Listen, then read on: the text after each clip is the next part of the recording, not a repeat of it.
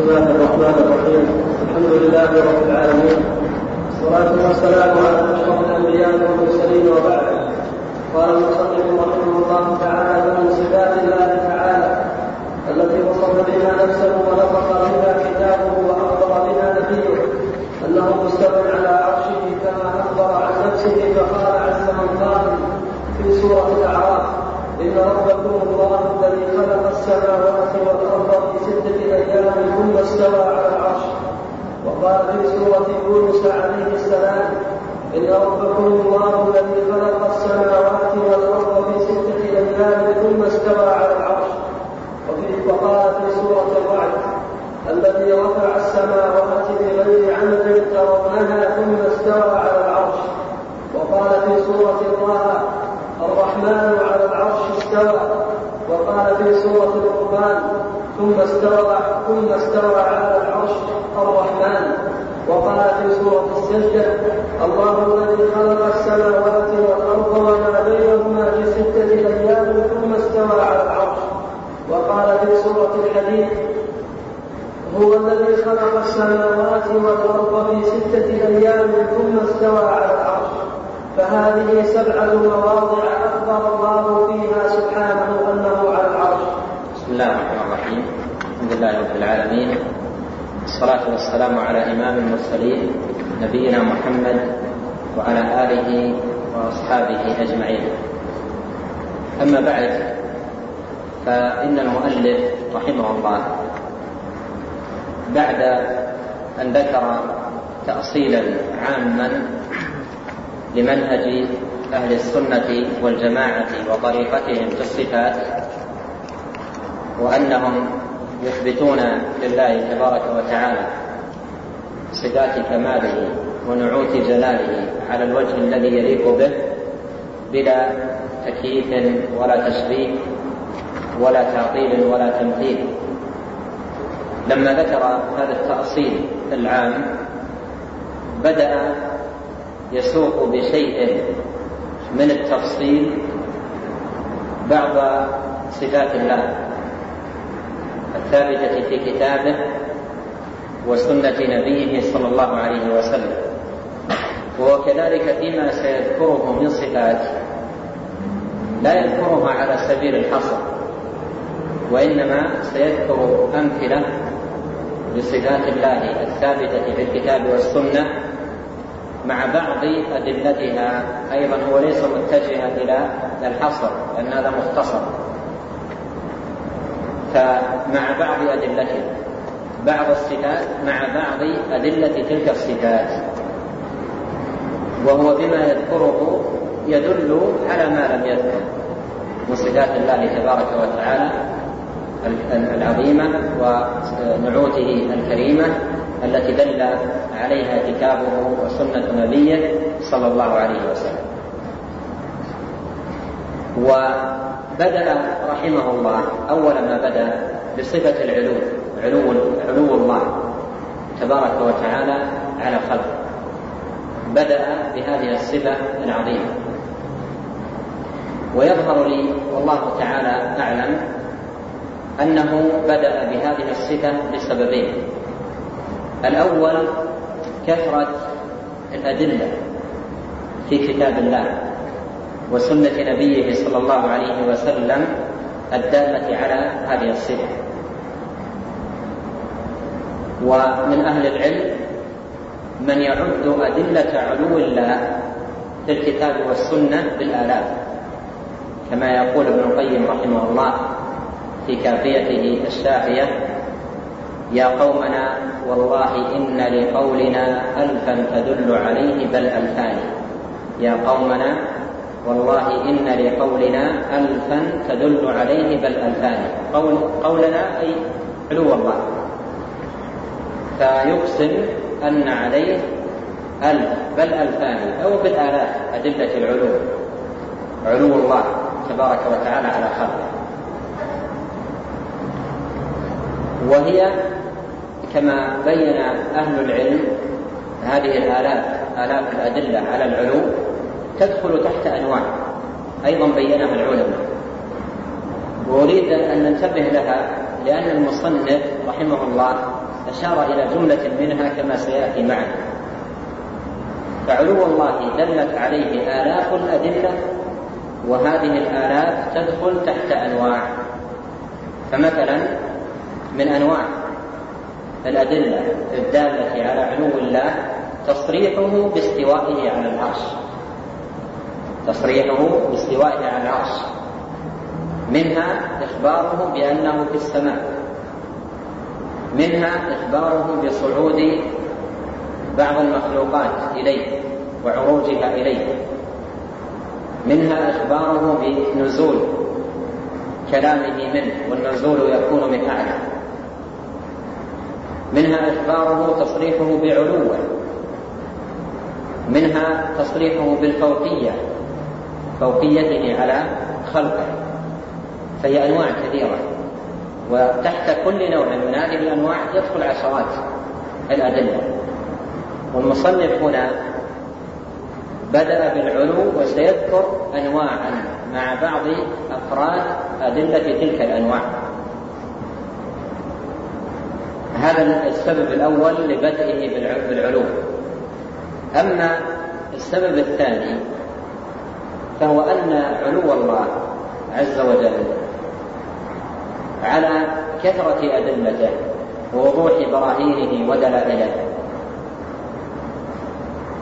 فإن غلط أهل الأهواء والباطل وضلالهم فيه كثير. وكلامهم في إنكار العلو. وعدم إثباته كثير جدا في كتب المتكلمين. وشككوا الناس في عقائدهم وأديانهم وإيمانهم. وترتب على أقوالهم الباطلة بإنكار العلو الخلوص أو الوصول إلى أحد مذهبين فاسدين من ينكر علو الله؟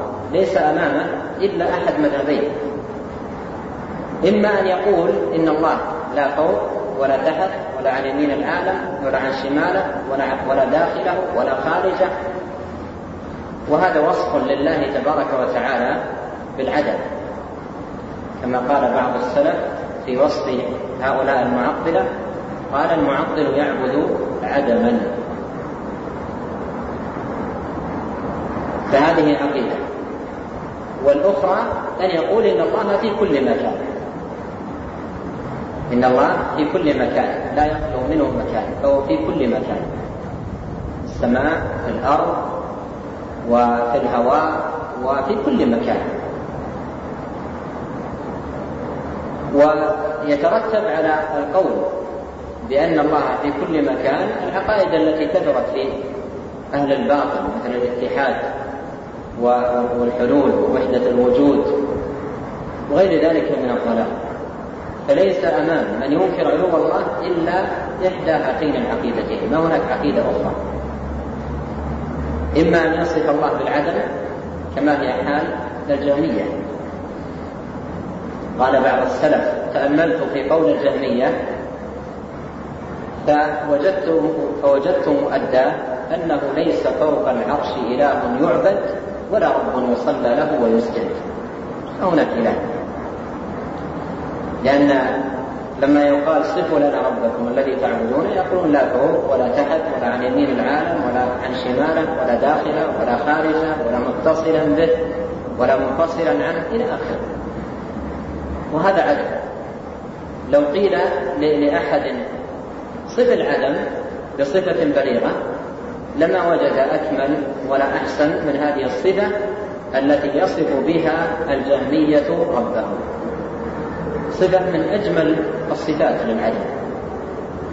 وهذه العقيدة عقيدة الجهمية لا يزال لها ورثة إلى عصرنا هذا. وأحد المعاصرين كتب كتابا بعنوان حسن المحاججة في بيان أن الله لا داخل لا داخل العالم ولا خارجه. حسن المحاججة في بيان أن الله لا داخل العالم ولا خارجه. وقرر عقيدة هؤلاء. فهذه واحدة والثانية كما ذكرت القول بأن الله في كل مكان. القول بأن الله في كل مكان. وهذا الباطل بهذين النوعين من العقيدتين بني في كتب أهل الباطل وأهل الأهواء الذين حادوا عن طريقة الكتاب والسنة وكثر كلامهم وضلالهم وشبهاتهم في في تقرير هذا الباطل. فلأجل هذين السببين الله تعالى أعلم بدأ المصنف بذكر صفة العلو علو الله تبارك وتعالى. ولما دخل في بيان صفة العلو سلك مسلك غير واحد من أهل العلم من المتقدمين والمتأخرين بذكر أنواع أدلة العلو أنواع أدلة العلو آه التي يدخل تحتها أفراد كثيرة من الأدلة أدلة السنة. وهو ذكر هذه الأنواع بذكر أمثلة من أفراد آه أدلتها ليرشد بهذه الأفراد التي يذكرها على نوع الدليل. لأن لأنه كما ذكرت ليس الاتجاه في مثل هذه المختصرات إلى الاستقصاء وإنما ذكر شيء يدل على غيره. فبدأ بالاستواء. والاستواء أحد أدلة العلم.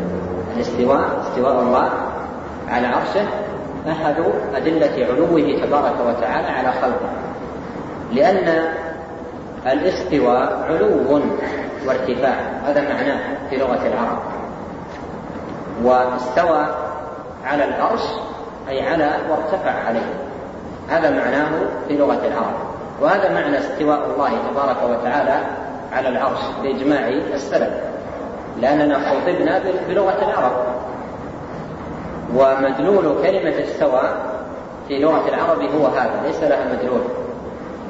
إلا العلو والارتفاع. على وارتفع استوى على العرش أي على وارتفع عليه. فالاستواء علو وارتفاع.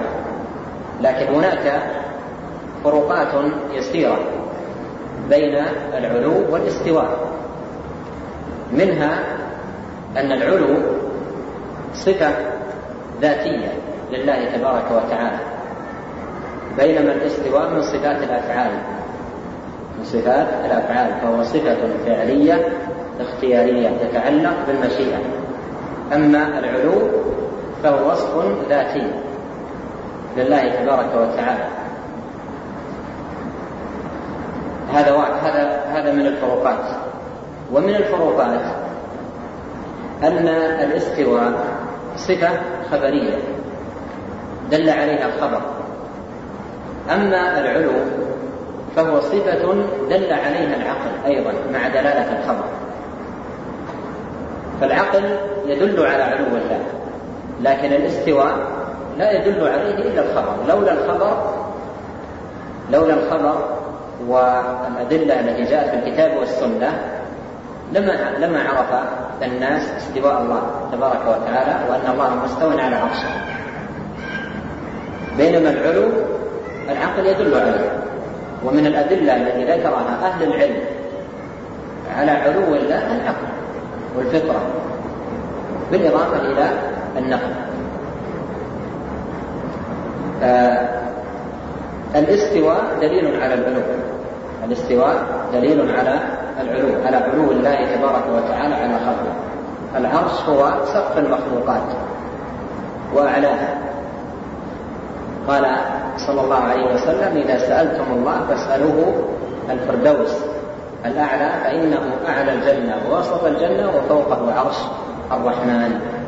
فعرش الرحمن هو سقف المخلوقات وأعلى المخلوقات وأكبر المخلوقات وأوسع المخلوقات. ونسبة العرش إلى الأرض كذرة صغيرة في صحراء مترامية الأطراف. بالنسبة للسماء والأرض فالسماوات والأرض بالنسبة للعرش كذرة صغيرة في صحراء ممتدة. قال صلى الله عليه وسلم ما الكرسي في العرش إلا كحلقة ألقيت في فلاة وقال ما السماوات السبع في الكرسي إلا كدراهم ألقيت في ترس. فلاحظ الآن نسبة السماوات السبع والأراضين السبع بالنسبة للكرسي. قال الله تعالى وسع كرسيه السماوات والأرض. هي لا تساوي شيء بالنسبة للكرسي. والكرسي بالنسبة للعرش كحلقة ألقيت في صحراء. إذا ماذا تساوي السماوات والأرض بالنسبة للعرش؟ إذا ماذا تساوي الأرض التي نحن عليها بالنسبة للعرش؟ فالعرش هو سقف المخلوقات وأعلى المخلوقات. والله عز وجل مستو على عرشه. فاستواؤه على عرشه دليل على علوه دليل على علوه سبحانه وتعالى.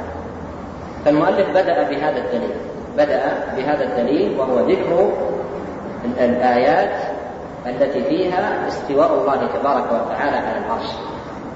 وذكر رحمه الله أن تصريح الله باستوائه على عرشه جاء في سبعة مواضع من القرآن الكريم. ثم ساق. في سورة الأعراف قول الله تبارك وتعالى إن ربكم إن ربكم الله الذي خلق السماوات والأرض وما بينهما في ستة أيام ثم استوى على العرش. ثم في سورة يونس إن ربكم الله الذي خلق السماوات والأرض وما بينهما في ستة أيام. نعم في ستة أيام ثم استوى على العرش. ثم في سورة الرعد.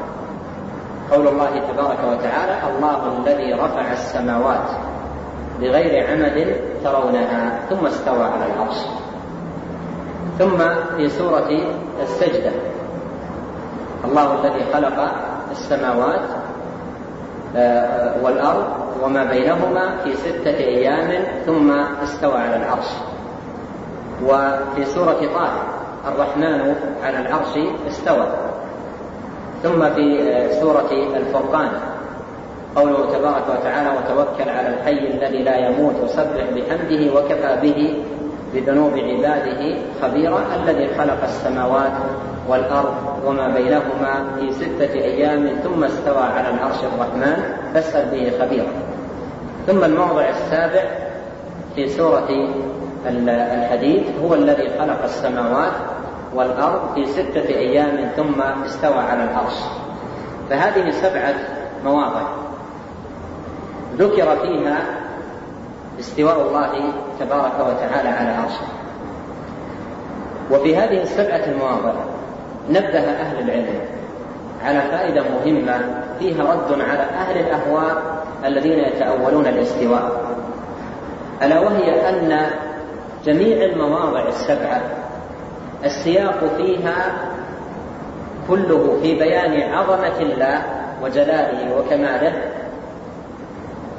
بذكر صفاته ونعوته سبحانه وتعالى. فهو يثني على نفسه ويمجد نفسه ويعظم نفسه بذكر صفاته في جميع المواضع المواضع السبع. ومن بين صفاته التي يثني على نفسه بها استواءه على العرش. يخبر عن نفسه تبارك وتعالى بأنه استوى على العرش ثم استوى على العرش. والاستواء على العرش في أكثر هذه المواضع جاء معطوفا بثم التي تفيد الترتيب والمهلة بعد خلقه للسماوات والأرض. الذي خلق السماوات والأرض وما بينهما في ستة أيام ثم استوى على العرش. فذكر استواءه على العرش أنه كان بعد خلق السماوات والأرض وعطف ذلك على خلق السماوات والأرض ثم.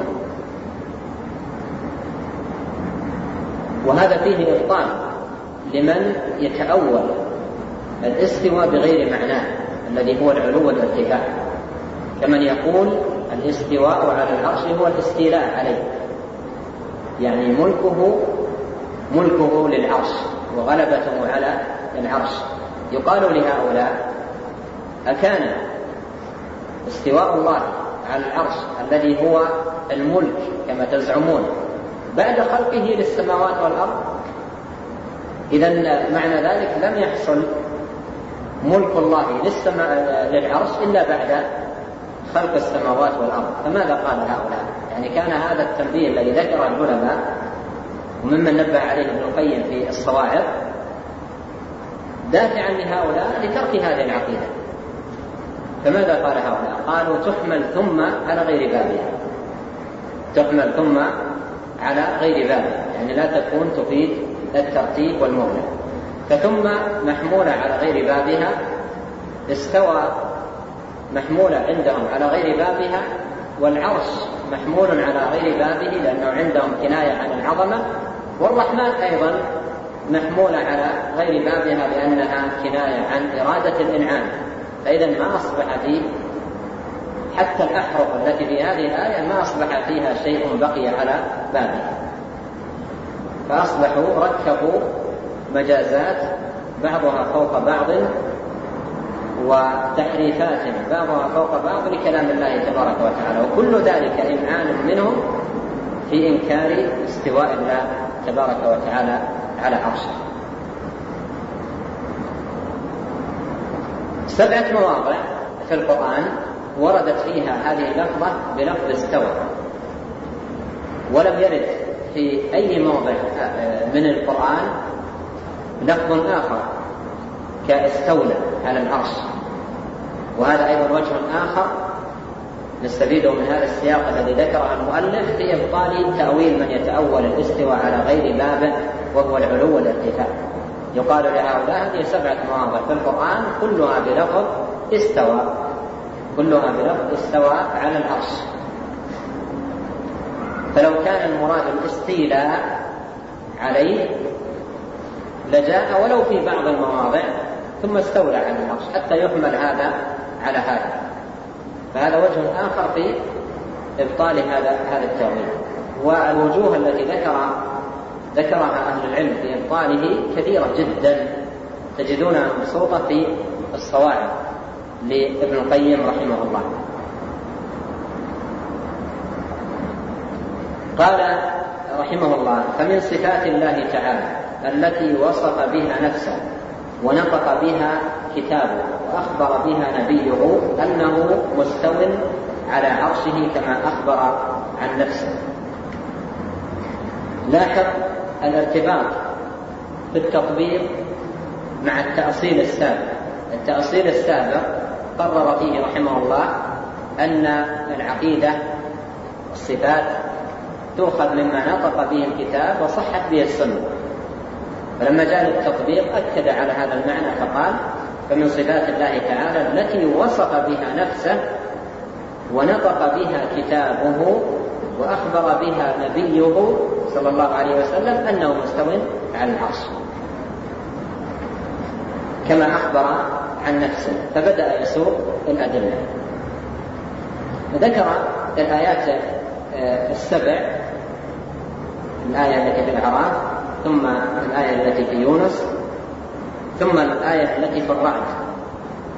الله الذي رفع السماوات بغير عمد ترونها ثم استوى على العرش.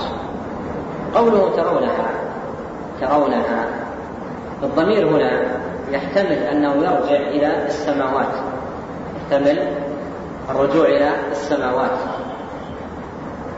ويحتمل الرجوع إلى العمد. بغير عمد ترونها أي السماوات لا عمد لها. هذا يكون معناه إذا كان يرجع إلى السماوات. أي السماوات لا عمد لها ترونها أي ليس لها عمد. وإذا كان الضمير يرجع إلى العمد فيكون المعنى أن السماوات لها عمد لكن لا ترى بغير عمد ترونها أي لها عمد لا ترونها. لكن هذا القول ضعيف. والأول هو الأصح. والذي رجحه ابن جرير وغيره من المحققين من أهل التفسير. فالسماوات لا عمد لها. السماوات لا عمد لها. آه الله, الله الذي رفع السماوات بغير عمد ترونها ثم استوى على العرش. فيكون المعنى بغير عمد ترونها أي أنه خلق السماوات لا عمد لها ترى. يعني لا عمد لها حتى يراها الناس. وذكر الموضع الآخر في سورة الرحمن ثم سورة الفرقان ثم سورة السجدة ثم في سورة الحديد.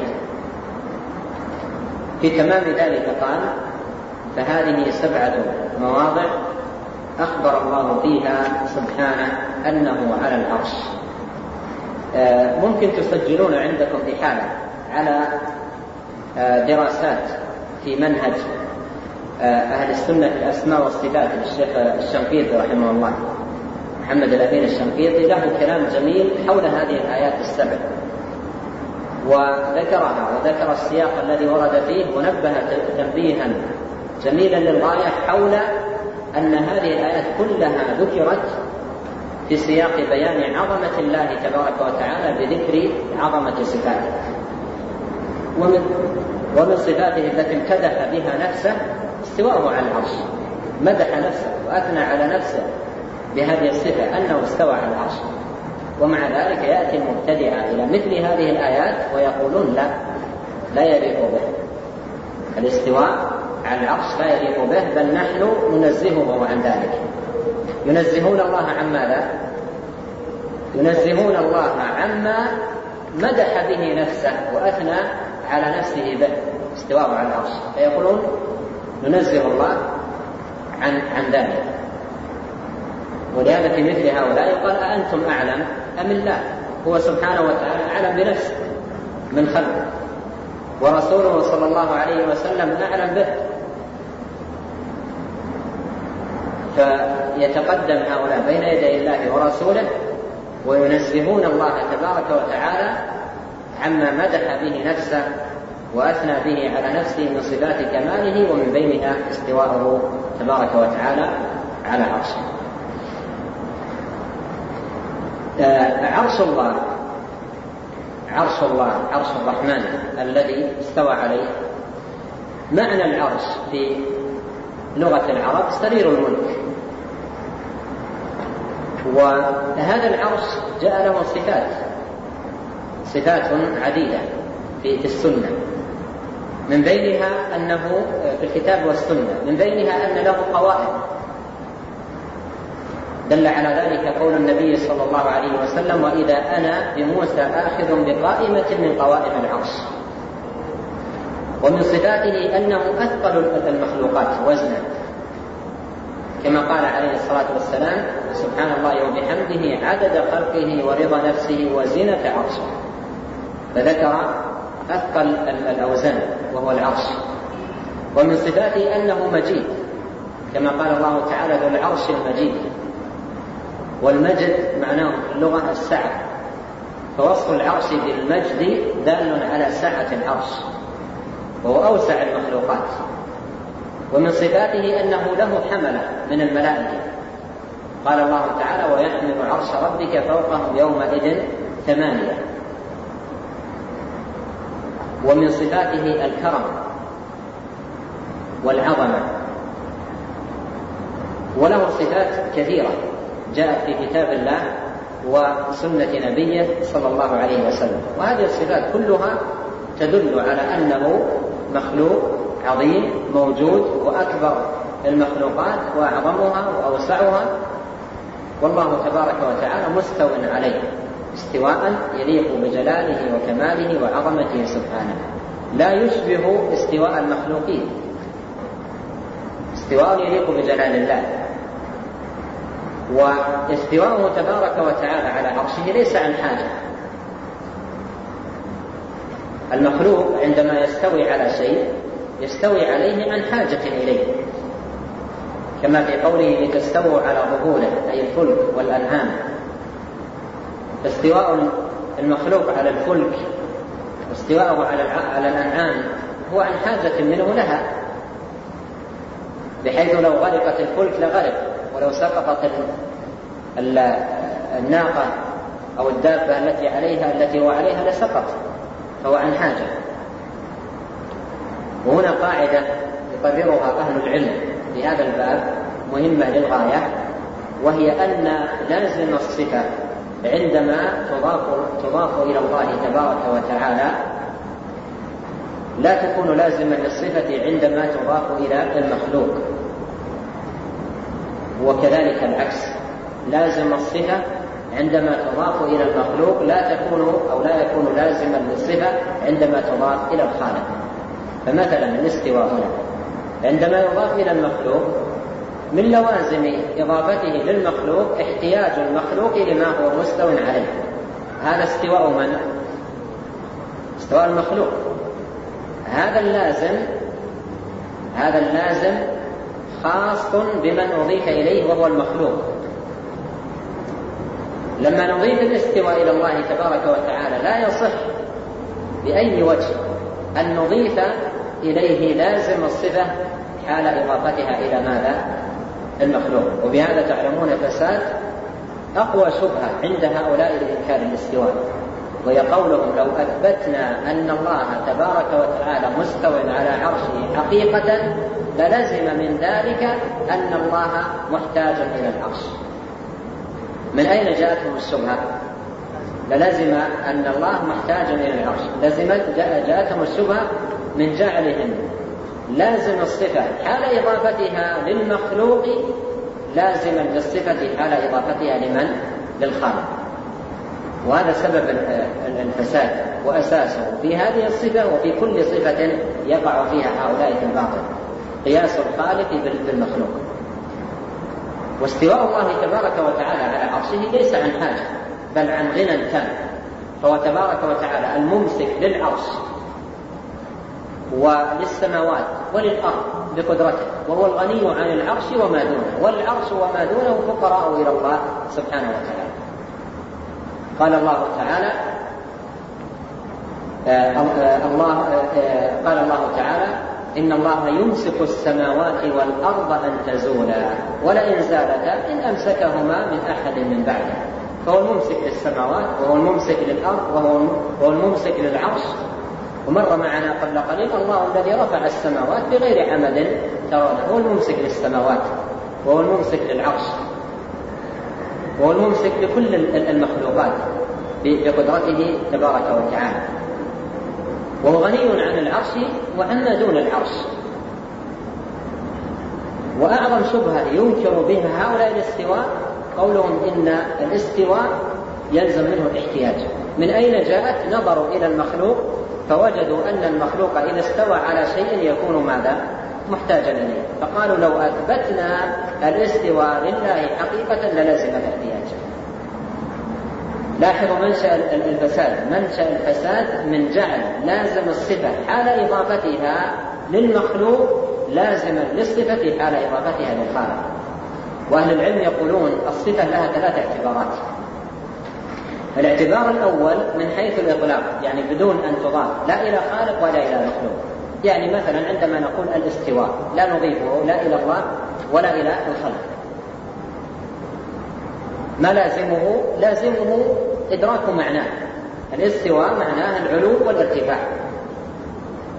لكنه في هذه الحال أمر في الذهن لا حقيقة له في الخارج حتى يضاف إلى آه، من يضاف إليه. فهذا الاعتبار الأول. الاعتبار الثاني اعتبار الصفة من حيث إضافتها إلى الله سبحانه وتعالى. فمثل استواء الله على الأرض استوى على العرش. فإضافة الاستواء إلى الله استوى على العرش. أو استواء الله على العرش. فهنا الصفة مضافة إلى الله. لازم الصفة هنا حال إضافتها إلى الله الكمال اللائق بجلال الله. هذا هو اللازم. الكمال اللائق بجلال الله. والإضافة هنا كما يقول العلماء تقتضي التخصيص. يعني الصفة أضيفت إلى الله فهي تخصه وتليق به. تخصه سبحانه وتعالى وتليق به وتليق بجلاله وكماله. فلازمها الكمال اللائق بجلال الله وعظمته سبحانه. هذا اللازم الذي هو الكمال اللائق بجلال الله لا يجوز أن يجعل لازما للصفة عندما تضاف إلى من؟ إلى المخلوق. الاعتبار الثالث اعتبار الصفة من حيث إضافتها إلى المخلوق. ولازم الصفة عندما تضاف إلى المخلوق النقص والضعف. ويتليق بالمخلوق وبضعفه ونقصه وكونه مخلوقا. هذا اللازم الذي يلزم الصفة باعتبار إضافتها إلى المخلوق ليس لازما للصفة باعتبار إضافتها إلى الخالق فإذا جعل لازم الصفة باعتبار إضافتها للمخلوق لازما للصفة باعتبار إضافتها إلى الخالق يكون بذلك تشبيه للخالق بالمخلوق. انتبهوا معي. وإذا جعل لازم الصفة باعتبار إضافتها للخالق لازما للصفة باعتبار إضافتها للمخلوق يكون بذلك تشبيه للخالق بالمخلوق. والله عز وجل لا يشبه أحدا من خلقه ولا يشبهه أحد من خلقه. فكلا التشبيهين باطل تشبيه الخالق بالمخلوق وتشبيه المخلوق بالخالق. تشبيه الخالق بالمخلوق وتشبيه المخلوق بالخالق كله باطل. يقول أبو حنيفة رحمه الله آه، ولا يشبه أحدا من خلقه ولا يشبهه أحد من خلقه. ينفي عن الله تبارك ينفي النوعين من التشبيه. تشبيه الخالق بالمخلوق وتشبيه المخلوق بالخالق وكله باطل. كل النوعين باطل. ويوضح لكم بدقة يعني فساد هذين التشبيهين ومعنى أيضا هذين التشبيهين وكيف يصار إلى هذين التشبيهين؟ معرفة اللازم باعتبار الصفة كما أشرت إلى ذلك قبل قليل.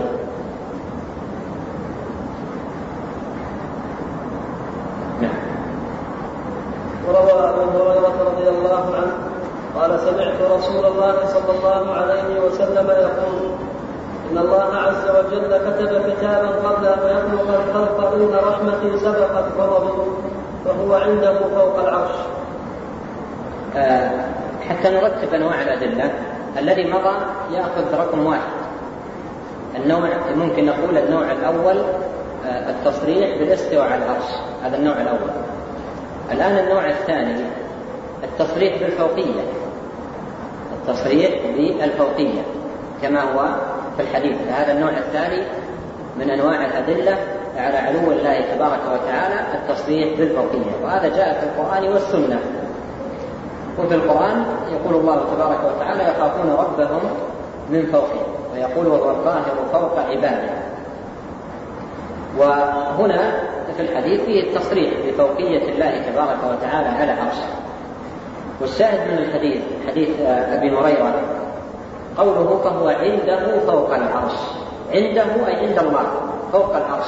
هذا دليل على أن الله عز وجل فوق عرشه دليل على أن الله عز وجل فوق العرش. هذا نوع ثاني من أنواع الأدلة الدالة على علو الله سبحانه وتعالى. عن أبي هريرة رضي الله عنه قال سمعت رسول الله صلى الله عليه وسلم يقول إن الله عز وجل كتب كتابا قبل أن يخلق الخلق. إن رحمتي سبقت غضبي فهو عنده فوق العرش. الحديث مشتمل إضافة إلى دلالته على الفوقية فوقية الله تبارك وتعالى على خلقه مشتمل على ذكر صفتين وهما الرحمة والغضب. في قوله إن رحمتي سبقت وفي رواية غلبت غضبي. وهذا أحد آه الأدلة التي استدل بها أهل العلم على التفاضل بين الصفات صفات الله تبارك وتعالى وأن آه، الصفات بينها تفاضل. فهنا الرحمة سبقت الغضب وغلبت الغضب فهذا دليل على أن الرحمة أفضل. ومن الأدلة قول النبي صلى الله عليه وسلم في دعائه اللهم إني أعوذ برضاك من سخطك وبمعافاتك من عقوبتك وبك منك لا أحصي ثناء عليك. برضاك من سخطك وبمعافاتك من عقوبتك. والمستعاذ به أفضل من المستعاذ منه والكل صفة لله تبارك وتعالى. هذا دليل على التفاضل في الصفات. وهذه المسألة لها يعني بحثها والكلام فيها في كتب العقيدة لأهل العلم. وأحد زملائنا في الجامعة والشيخ محمد أبو سيد له رسالة طبعت قيمة جدا بعنوان مباحث المفاضلة في العقيدة. تناول فيها مثل هذا الموضوع والمفاضلة فيما يتعلق بين الملائكة والبشر والمفاضلة في الأعمال أنواع المفاضلة. من بين الأبحاث التي تناولها المفاضلة بين الأسماء الحسنى المفاضلة بين الصفات وبسط الكلام في هذه المسألة ونقل فيها أقوال أهل العلم. الشاهد من الحديث هو قوله فهو عنده فوق العرش وفيه تصريح بفوقية الله تبارك وتعالى. نعم.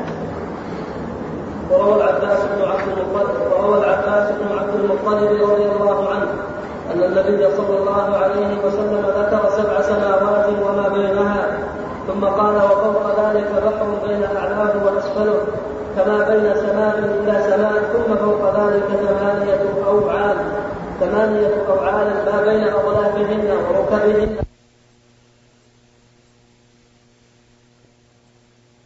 رحمه الله حديث العباس بن عبد المطلب رضي الله عنه.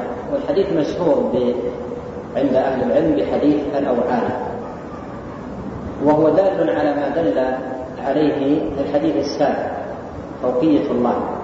قال في آخره والله تعالى فوق ذلك. وهذا هو موضع الشاهد عند المؤلف. المؤلف رحمه الله ساق الحديث لهذا الشاهد وهو قوله والله تعالى فوق ذلك. وقد عرفنا أن فوقية الله دل عليها القرآن الكريم ذكرت لكم بعض الآيات ودل عليها الحديث السابق ودل عليها نصوص كثيرة في كتاب الله وسنة نبيه صلى الله عليه وسلم. لكن هذا الحديث الذي ساق المصنف رحمه الله والمعروف بحديث الأوهام حديث ضعيف الإسناد. ونقل المحقق هنا قول الذهبي رحمه الله عن هذا الحديث تفرد به سماك عن عبد الله وعبد الله فيه جهاله وقال حكم الشيخ الألباني في تخريجه لأحاديث السنة لابن أبي عاصم بضعف إسناده. فالحديث فيه كلام ولا يثبت عن النبي صلى الله عليه وسلم لكن عدم ثبوته لا يضر.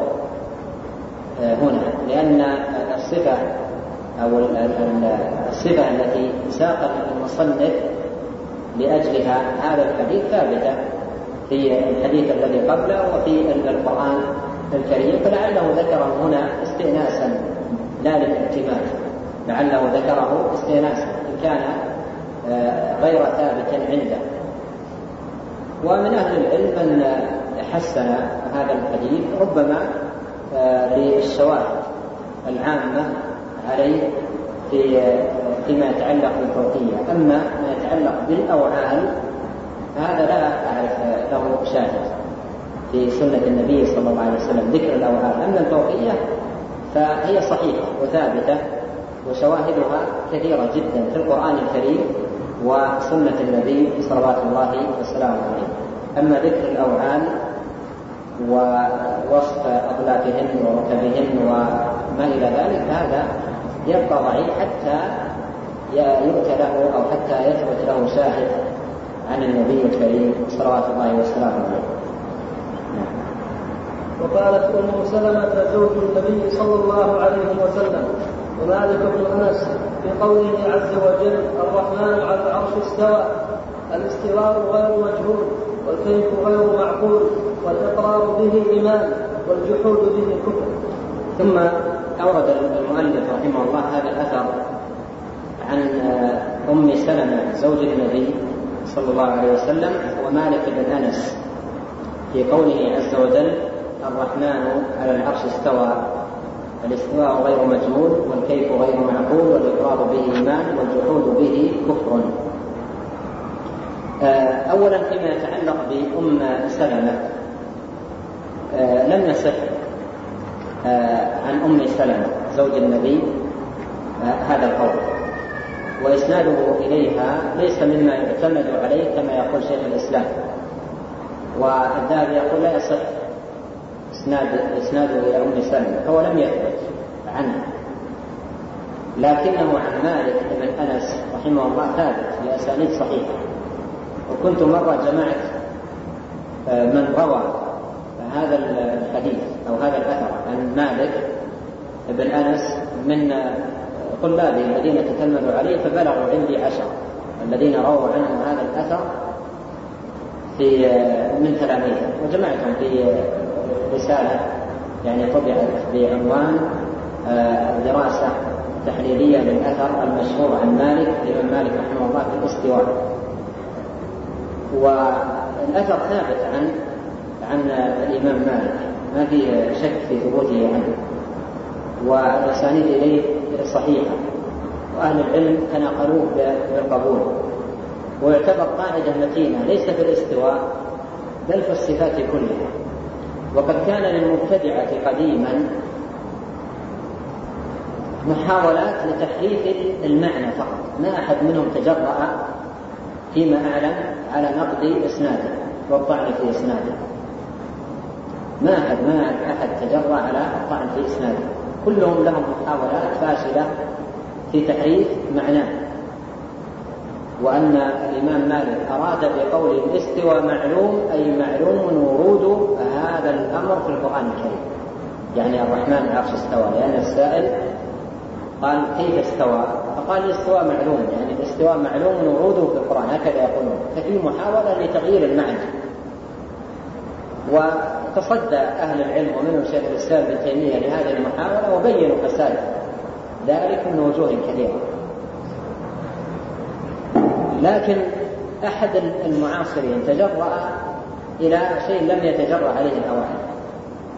لأن هذا الأثر يغيظ أهل الأهواء كثيرا. لأن قاعدة ليس خاص بالاستواء قاعدة لكل الصفات. ويقرر منهج متكامل لأهل السنة والجماعة في توحيد الأسماء والصفات. فأحد المعاصرين جاء وجمع بعض طرق الحديث بعض طرق هذا الأثر. وأخذ ينتقده يقول فلان ويذكر يعني إذا كان الرجل فيه كلام بعض أهل العلم واتقوه وبعضهم تكلموا به ينقل كلام من ضعفه من أهل العلم. ثم ذكر بعض الطرق وتحاشى بعض الطرق التي هي يعني أسانيدها لا آه، واضحة الصحة واضحة الثبوت فانتقى بعض الأسانيد وقال وجميع هذه الأسانيد لا تثبت. ثم قال فإن قيل فإن قيل ألا يقوي بعضها بعضا ويجبر بعضها بعضا؟ قال لا لأن هذه لا لا ينطبق عليها آه هذه القاعدة وهي أن لأن ضعفها يقول شديد لأن ضعفها شديد. ثم قال وعلى فرض ثبوته. هذا على سبيل التنزل وعلى فرض ثبوته يبقى رأيا للإمام مالك وليس قولا ملزما للأمة. يبقى رأيا للإمام مالك وليس قولا ملزما للأمة. وهذا مما شجعني لجمع الطرق ودراستها والكلام عليها ونقل كلام أهل العلم فيها واجتمعت في مذكرة آه، كما آه، هناك فوائد. ما أظن يعني يسمح الوقت نقف عليها وإلا القصة فيها فوائد وقواعد تأصيلات مهمة وهي تنطبق على كل الصفات. يعني جواب مالك. هو الرجل دخل على الإمام مالك رحمه الله وقال الرحمن على العرش استوى قرأ الآية. كيف استوى؟ فغضب مالك حتى علاه الرحضاء يعني حتى تصبب عرقا. فقال الاستواء غير مجهول يعني معلوم المعنى. معناه معروف. العلو والارتفاع. هذا مراد الإمام مالك. بقوله الاستواء غير مجهول. يعني معناه لا يجهله أحد. العلو والارتفاع. على وارتفع. استوى أي على وارتفع. المبتدعة ماذا قالوا؟ يقولون أن الإمام مالك لما قال استوى معلوم. أي معلوم الورود في القرآن. الرجل قرأ الآية. قال الرحمن على العرش استوى. قرأ الآية والآية أمامه فأيليق بمالك رحمه الله. يقول استوى معلوم نحن ندري أن القرآن فيه الرحمن العرش استوى. يعني هذا ما ما يكون من أنقص الناس فهما وإدراكا فكيف بإمام مثل الإمام مالك رحمه الله. فالاستواء غير مجهول أي معناه معروف عند من يعرف اللغة وهو العلو والارتفاع. والكيف الذي تسأل عنه مجهول. أما الاستواء معلوم المعنى أما الكيف فمجهول. ولم يقل معدوم قال مجهول. وفي هذا فائدة أن أن صفة الله لها كيفية لكن نجهلها فرق فرق بين أن يقال الكيف معدوم والكيف مجهول. فالكيف مجهول يعني هو ثابت لله صفة الله لها كيفية وما لا كيفية له لا وجود له. لكن النفي هنا للعلم لعلمنا بالكيفية. والكيف مجهول؟ والإيمان به واجب والسؤال عنه بدعة. هذا لفظ الإمام مالك. والإيمان به واجب والسؤال عنه بدعة. الإيمان به يعني الاستواء. والسؤال عنه أي كيفية الاستواء هذا بدعة. ثم أمر بإخراج الرجل من ذلك المكان. هذا الذي قاله مالك رحمه الله تستطيع أن تقوله في كل صفة. مثلا لو قال قائل قال صلى الله عليه وسلم ينزل ربنا إلى سماء الدنيا كل ليلة. كيف ينزل؟ تقول له النزول معلوم. يعني معناه النزول معلوم. وكيفيته مجهولة. والإيمان به واجب والسؤال عنه بدعة. لو قال قائل بل يداه مبسوطتان كيف يدان؟ يقال اليدان معلومتان. وكيفيتهما مجهولة والإيمان بهما واجب والسؤال عن كيفيتهما بدعة في كل صفة. ولهذا نص غير واحد من أهل العلم أن قول مالك هذا يعد قاعدة تطبق في جميع الصفات يعد قاعدة تطبق في جميع الصفات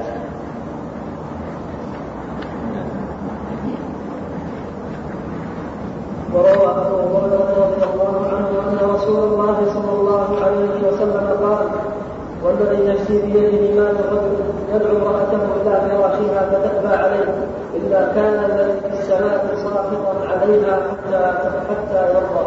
هذا النوع الثالث من أنواع الأدلة على العلو التصريح بأنه في السماء. التصريح بأنه في في السماء وهذا جاء في القرآن. قال الله تعالى أأمنتم من في السماء فالتصريح بأنه في السماء هذا أحد الأدلة على علو الله تبارك وتعالى على خلقه وفي السماء تحتمل أحد معنيين. إما أن تكون السماء المراد بها المبنية. السماء بنيناها. أو مطلق العلو. أنزل من السماء ماء. من السماء مطلق العلو. فيحتمل أن السماء المبنية ويحتمل أن المراد بالسماء مطلق العلو. فإذا كان المراد بالسماء المبنية ففي بمعنى على فيكون معنى قول السماء أي على السماء. وإذا كان المراد بالسماء مطلق العلو ففي على بابها. وهو بكل وهو بكل بكلا الاعتبارين يدل على علو الله تبارك وتعالى على خلقه العلو الذي يليق بجلاله وكماله. قال وروى أبو هريرة رضي الله عنه أن رسول الله صلى الله عليه وسلم قال والذي نفسي بيده ما من رجل يدعو امرأته إلى فراشها فتابى عليه إلا كان الذي في السماء أي الله عز وجل وهذا موضع الشاهد ساخطا عليها حتى يرضى.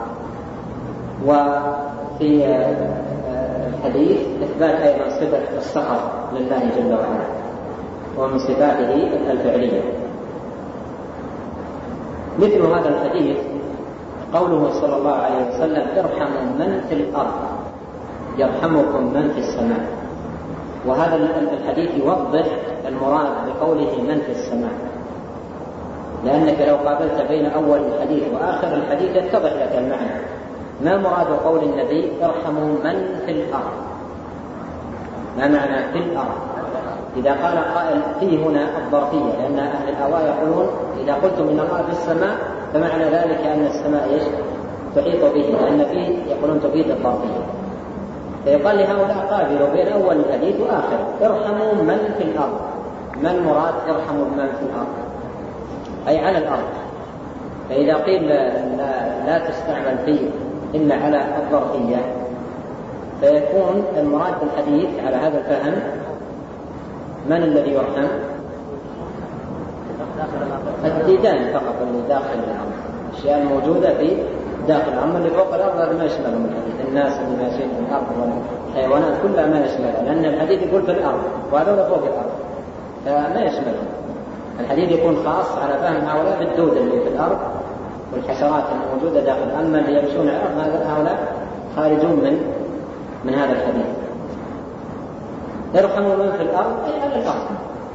يرحم من في الأرض؟ فيه هنا بمعنى على.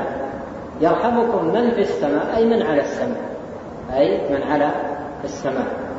إذا قابلت بين أول الحديث وآخره يوضح لك المعنى. وهذه الفائدة ما رأيتها مكتوبة وإنما سمعتها من الشيخ الألباني رحمه الله. آه نعم.